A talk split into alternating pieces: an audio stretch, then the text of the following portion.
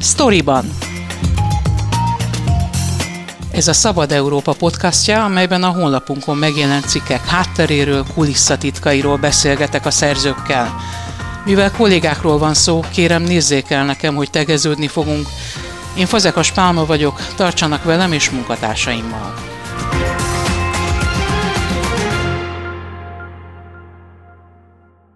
Több mint két hónap telt el azóta, hogy a MOL hivatalosan is átvette a hulladékgazdálkodás nagy részét Magyarországon. A koncesszió értelmében 35 éven át uralhatja a piacot és diktálhatja a feltételeket leányvállalatán, a Mohun keresztül. Hogy ez milyen helyzetet teremtett, már a júliusi tényleges indulás előtt az a több cikkben foglalkozott a Szabad Európa gazdasági újságírója, Videman Tamás, ő a sztoriban vendége. Szervusz Tamás! Szia Pálma!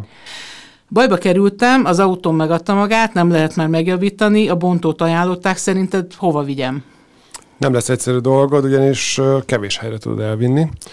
Ugye július 1-től lépett életbe az új koncesziós rendszer, ez alapján most már csak a MOL leányvállalatával, a Mohúval leszerződött autóbontosokhoz tudod vinni. Ezeknek a cégeknek a kétharmada azonban nem írta alá szerződést a MOL-lal.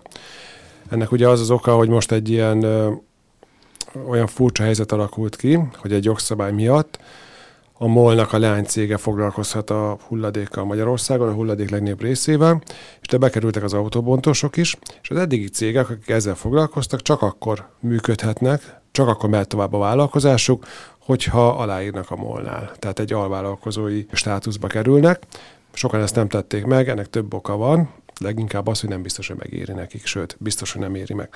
Hogyha számokat akarsz hallani, akkor régebben 187 helyen leadhattad a kocsidat, az ország 187 pontján, most 62 ponton adhatod le. Kérdés, hogy átveszik-e, és annyira előkészületlenül indult el ez az egész koncesziós rendszer, hogy például nagyon sok gond van a informatikával, stb. Tehát egy csomó hely, aki le is szerződött, engedélye van, hogy átvegye a kocsit, nem veszi át tőled, mert nem tud vele mit kezdeni, mert egy teljesen új rendszert kell megtanulni, ami egyébként nem működik, nem kap utasításokat a moltól, sőt, most már olyan utasítások vannak, hogy inkább Excel táblába vezest, hagyd a francba az egészet, csak csináljad, haladjunk. Azt mondják, hogy teljesen vállalhatatlan feltételeket szabott a, a MOL, és gyakorlatilag hát nem méri meg ezzel foglalkozni, pedig azt gondolná egy laikus, hogy az autóbontás, a bontott alkatrészek visszaforgatása az egy rendkívül jó üzlet. Mi volt az a vállalhatatlan feltételrendszer, aminél például a neked megszólaló vállalkozó is azt mondta, hogy inkább lehúzza a rolót, és aztán majd azt is kérdezem tőled, hogy fel lehetem mérni, hogy hány vállalkozás család építette mondjuk erre az egzisztenciáját, és hánynak nem éri meg a jövőben ezt csinálni a leg, legfurcsább dolog az egészben, hogy miért került be a hulladékkoncesszió alá az autóbontás. Az autóbontás ugyanis, hogyha az a cél, hogy minél több dolgot újrahasznosítsunk, akkor ez a tipikus példája, hogy egy rossz autóban, aminek eltört a, nem tudom, az eleje, megtört az eleje vagy a hátulja, a többi része az ép, és az alkatrészek jók. Ugye nekem is régi kocsim van, 12 éves, tehát én is gyakran megyek én autóbontokba, hogyha kell egy tükör, vagy bármilyen olyan dolog. Nekem ugye nem éri meg újonnan megvenni, biztosító nem is fizeti ki, nincs is kaszkom. Tehát ez egy nagyon jól prosperáló iparág, és igazából nem sok köze van a hulladékhoz.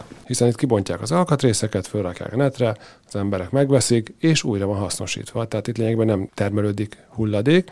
A végén termelődik, amikor mindent kiár, kiárusítottak, és maradtak haszni a vas, meg egy-két olyan dolog, amit nem tudsz felhasználni. Ugye ilyen a légzsák például, azt nem is szabad másodkörös forgalomba hozni. Akkor marad egy minimális mennyiségű hulladék, és ezért került be lényegben a koncesszió alá. Nagyon szigorú szabályok vonatkoztak így is eddig az autóbontosokra, tehát kiszedtek valamit, azt regisztrálni kellett, stb. Most annyival módosult az egész dolog, hogy a hulladék koncesszió miatt a MOL valahogy nem alkatrészként tekint ezekre a dolgokra, nem súly, minden súlyba mér. Most például úgy néz ki a sztori, bejön egy autó, azt is meghatározza MOL, hogy mennyit adhat érte. Ugye régen ez egy ilyen tárgyalási ár volt, tehát ebbe hozta egy tök jó kocsit, három éves, megtört az eleje, lehet, hogy kapta érte 500 ezer forintot, vagy 700 ezer forintot, most 50 ezer forint, ha bejön lábon, ha be kell hozni, akkor nulla forint. Tehát ilyen, és illetve közte van még ilyen 20-30 ezeres játék is, attól is függ, hogy mi van benne, van-e váltó, nincs benne váltó, motor, stb. És ugye eddig is szigorú szabályok voltak, hogy hogyan kell szárazra fektetni, úgymond mindenféle veszélyes anyagot kivenni, ilyen például a hűtőfolyadék, a fék, az olaj, stb. És emellé bejöttek olyan dolgok, hogy le kell mérni mindent. Tehát kivesz egy alkatrészt, le kell mérni. És nem is volt mérlegük az autóbontosoknak. Be kell kamerázni a telepet. A MOL megmondja, hogy milyen alkatrészre tart igényt, tehát mondhatja azt a MOL, hogy nekem kell a katalizátor. Ugye az a legértékesebb alkatrész. Igazából nem tudja az autóbontos, neki megérje. Egy fedett helyet kell létrehozni, majd a MOL által igényelt alkatrészeket tárolja, plusz, és az a legdurvább, hogy a MOL nagyon durva szabályokat hoz, tehát például kell neki az alkatrész, de mai napig nem mondta meg, hogy melyik alkatrész kell. Egy Bianco szerződést kellene írni, fogalma nincs arról, hogy megírja majd a jövőben ezekkel az alkatrészekkel kereskedni, vagy mi az, ami a szeméttelepre megy, és mi az, amit a MOL át fog venni. Csak érzékeltetésül mekkora az a zárkülönbség, az a differencia, amivel mondjuk megérné egy ilyen szárazra fektetés, ahogy te is mondod, tehát minden olaj, veszélyes folyadék kivétele egy autóbontosnak, és mennyi az, ami a MOL becslése szerint ezért kifizethető? A MOL minden egyes tevékenységre meghatározott egy árat, ugye szárazra fektetésre ilyen 40-45 ezer forintos árat mondott körülbelül, és az autóbontosok nekem azt mondták, hogy igazából ez nagyon kevés. Ez körülbelül olyan 120 ezer forint körül van az önköltség. Tehát benne van a, az alkalmazottnak a bére, benne vannak a különböző költségek, ugye itt elég sok munkaórát kell eltölteni, másrészt vannak olyan alkatrészek, amiket neki kell gondoskodni arról, hogy megsemmisítse. Tehát itt az olajtól kezdve a gumin, stb. Ez neki pénzbe kerül. Hogy lehet, hogy ekkora differencia van az árak között, miközben a MOL arra hivatkozik, hogy az összes szolgáltatási díjat önköltségi kalkulációk, iparági egyeztetések alapján határozta meg. Voltak ilyen egyeztetések, vagy nem? Én úgy tudom, hogy nem voltak ilyen egyeztetések. Amikor kiderült, hogy lesz egy ilyen koncesszió, akkor volt egy darab egyeztetés, aztán ezek nagyon gyorsan elhaltak. A MOL igazából megversenyeztette a különböző szereplőket, Utána, miután már eleve arra kényszerítette őket, hogy olcsóbb árakat mondjanak, még volt egy úgynevezett árlejtés, ami lényegében lefele kellett licitálni, és nekem a nagyon sok hulladékos, nem csak autóbontos azt mondta, hogy ugye a legtöbb az azt mondta, hogy ebben nem vett részt. Tehát egy online programon keresztül ment ez a dolog, ő nem nyúlt hozzá, leokézte az eredeti árakat, és nem ment bele egy ilyen árlejtésbe, viszont nagyon sok magyar vállalkozó belement, ők ugye, ugye van, azt mondják, hogy nem nagyon tudnak így tárgyalni, meg ilyesmi, meg kicsik, tehát ők lényegében saját maguk alá is mentek. Volt, aki például szállításon nulla forintot beírt, tehát lényegében ingyen szállítja. Féltek, hogy elveszítik a megélhetésüket, és nagyon lenyomták az árakat, irreálisan lenyomták az árakat. Na de akkor mindenképpen elveszítik a megélhetésüket. Igazából sok esetben nem értem a molnak a viselkedését. Ugye van a gazdasági versenyhivatalnál egy beadvány, és egyre több helyéről hallom azt, hogy nagyon-nagyon keményen viselkedik a MOL. Tehát az egy enyhe kifejezésű visszaél a hatalmával, hogy ő most a kormánytól lényegében egy, egy olyan helyzetet megkapott egy piacot, tehát egyedüli szereplőként. Azt csinálja igen, amit akar. 35 éven át. 35 évre. Tehát a szerződések is olyan szinten egyoldalúak, volt olyan ügyvéd, aki azt mondta, hogy az egész praxis alatt még nem látott ilyen szerződést, ugye ezek az alvállalkozói szerződések, hogy ennyire egyoldalúak, a molnak kedveznek. Csak mondok egy példát, hogy hányféle ködbér van. Késedelmi ködbér, hibás teljesítési ködbér, mulasztási ködbér, meghiúsulási ködbér, ködbér titoktartási kötelezettség megszegése miatt. Ez utóbbiba bele is kapaszkodnék egy picit. Senki nem vállalta azok közül az interjút, akik szerződtek a céggel, nyilván ezért, hiszen a szerződésüket látták. Viszont azok se nyilatkoznak szívesen nével, akik úgy döntöttek, hogy nem írják alá. Már pedig nagyon sokan vannak, tehát az autóbontok kétharmada ezek közé tartozik. Mitől félnek? Ugye a MOL az nagyon keményen viselkedik, erről még nem írtam, és igazából szeretnék óvatosan fogalmazni, hogy egy cikkemben nagyon objektív igyekszek maradni. Bár a molnak volt ilyen visszajelzés, hogy nagyon ö, csúnya dolgokat írok, pedig mindig megadom nekik a lehetőséget, hogy reagáljanak. Tehát én azt érzékelem, hogy nagyon félnek, ha valaki bárhol egy kritikát megfogalmaz, akár egy Facebook posztba, azonnal jön a telefonomoltól, hogy ezt hagyja abba, állandóan arra hivatkoznak, hogy titoktartás, ők senkivel, senkivel nem beszélhetnek, holott lényegében ő most monopól helyzetben 35 évig, tehát nem is értem, mit akar titkolni. Másrészt ugye MOL, hogy azáltal a hulladék közszolgáltást megkapta, lényegében ő most közszolgáltató, tehát sokkal szigorúbb szabályok vonatkoznak a nyilvánosság mellett. Tehát milyen közérdekű adatigényésekkel meg lehet őket kínálni, stb. Aki pedig nem írta rá, az attól fél, hogy a hatóság esetleg rámászik. Tehát az autópontok esetében 17, azt hiszem 17 fél engedélyt kell beszerezni. Elképesztő szigor van, nekem mesélt egy autópontos, hogy pár csepp olajat találtak az egyik motorba, és azért milliós bírságok járnak. Tehát tulajdonképpen, ahogy az egyik eh, interjú alanyad mondta, majd, hogy nem szigorúbb ellenőrzésekre számíthatnak, mint mondjuk egy egészségügyi intézmény, ahol emberéletekről van szó Azt is ugyan lehet látni ugyanakkor, hogy a MOL szinte csapdát állít magának ezzel a viselkedéssel, mert hogy kapacitás hiány lépett fel egy csomó területen, amit most neki át kellett volna venni teljes káosszal nem működik, ahogy mondod, az informatikai háttér. A telepek lassan megtelnek, mert nem tudják mozgatni ezeket a bevett hulladékokat, még a szétválogatott és már újra hasznosításra kész hulladékokkal sem igazán tudnak mit csinálni, ezért megjelent egy körlevél, ezeknek a telepeknek küldték, és arra utasították őket, hogy mint hogyha ez egy nyercs, feldolgozatlan hulladék lenne, szabaduljanak meg tőle, és szállítsák el, hogy be tudják fogadni az újat.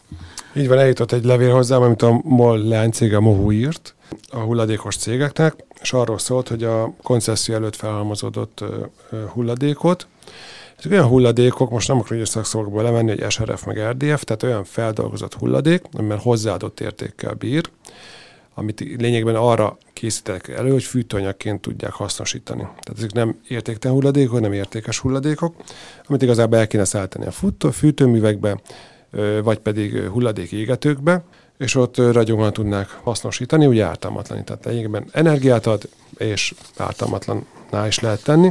Egyet a MOL azt kérte, hogy ha van ilyen készlet, akkor vigyék ki a szemétdombra. Ugye lerakással ártalmatlanítani, az azt jelenti, hogy a szemétdombra ki kell dobni. Kaptunk ilyen fotókat is, ezt végül sem tettem bele a cikkben, nem tudtam igazolni az eredetét, hogy ilyen bálázott, előkészített hulladékokat tesznek le hulladéktelepeken. Volt ebbe a esetben is megkérdeztem, de nem reagált a levelünkre. Tehát mindig minden egyes cikkemmel megkeresem, de nem reagálnak rá. Hogyan tudja rávenni a MOL a piaci szereplőket, hogy mégis szerződjön velük, és hogyha nem szerződnek többen, akkor annak milyen következményei lehetnek szerinted? Igazából a legtöbben félelemből szerződnek, mert nem akarják a megélhetésüket elveszíteni. Ugye korábban kérdezted, hogy hány embert érint, ez kb. 3000 céget érint. Ugye ott vannak dolgozók, valahol csak egy fő, valahol csak 10-20-30 fő, tehát itt több ezer embert érint ez a történet. És igazából, aki nem szerződik, az most a ugye a hulladék koncesszió nem minden hulladékra vonatkozik, de a legtöbbre igen, azok lényegben most nem tudnak dolgozni. Tehát most fizeti az embereit, ugye nagyon, sok, nagyon nem még felhalmozottak hulladékot, ezeket ki lehet pörgetni szeptember 30-ig, illetve december 1-ig. Most azokat csinálják, és abban a pillanatban elfogy az anyag, akkor lényegében szélnek keresztül az embereit, vagy pedig aláír.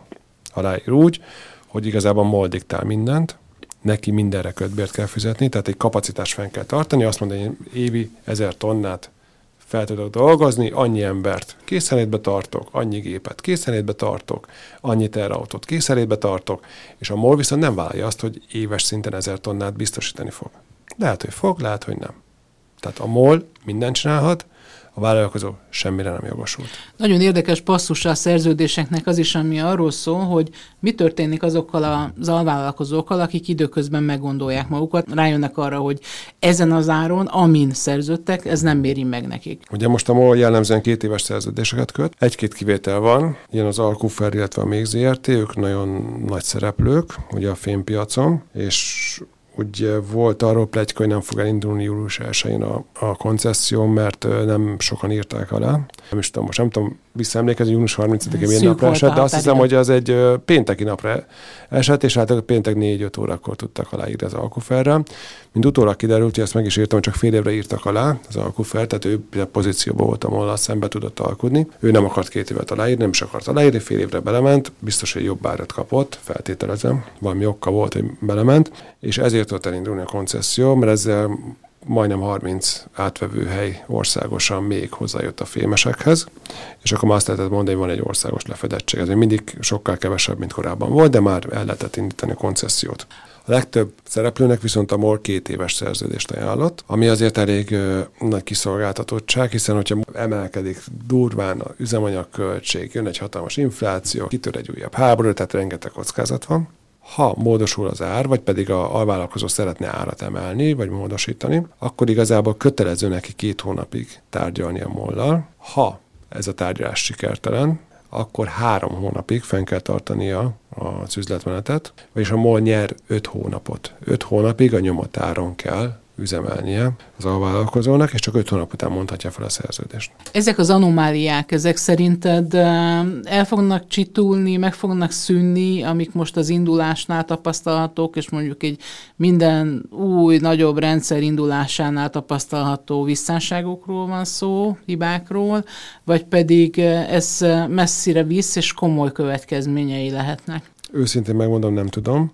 Azt tudom, hogy nagyon sok, ugye van itt egy uniós vizsgálat, vagy itt egy gazdasági versenyhivatalos beadvány, ugye a GVA azért elég sokszor azt látjuk, hogy a kormánynak kedvező döntést hoz. Rengeteg jogi kérdés van, és ezek a jogi procedúrák folyamatban vannak.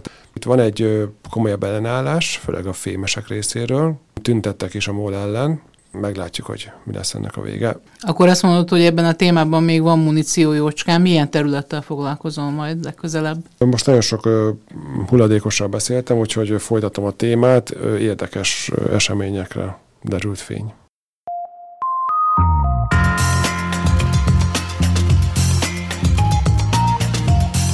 Ez volt a Storyban, a Szabad Európa podcastja, a honlapunkon megjelent cikkek hátteréről, kulisszatitkairól, én Fazekas Pálma vagyok, köszönöm figyelmüket munkatársaim nevében is.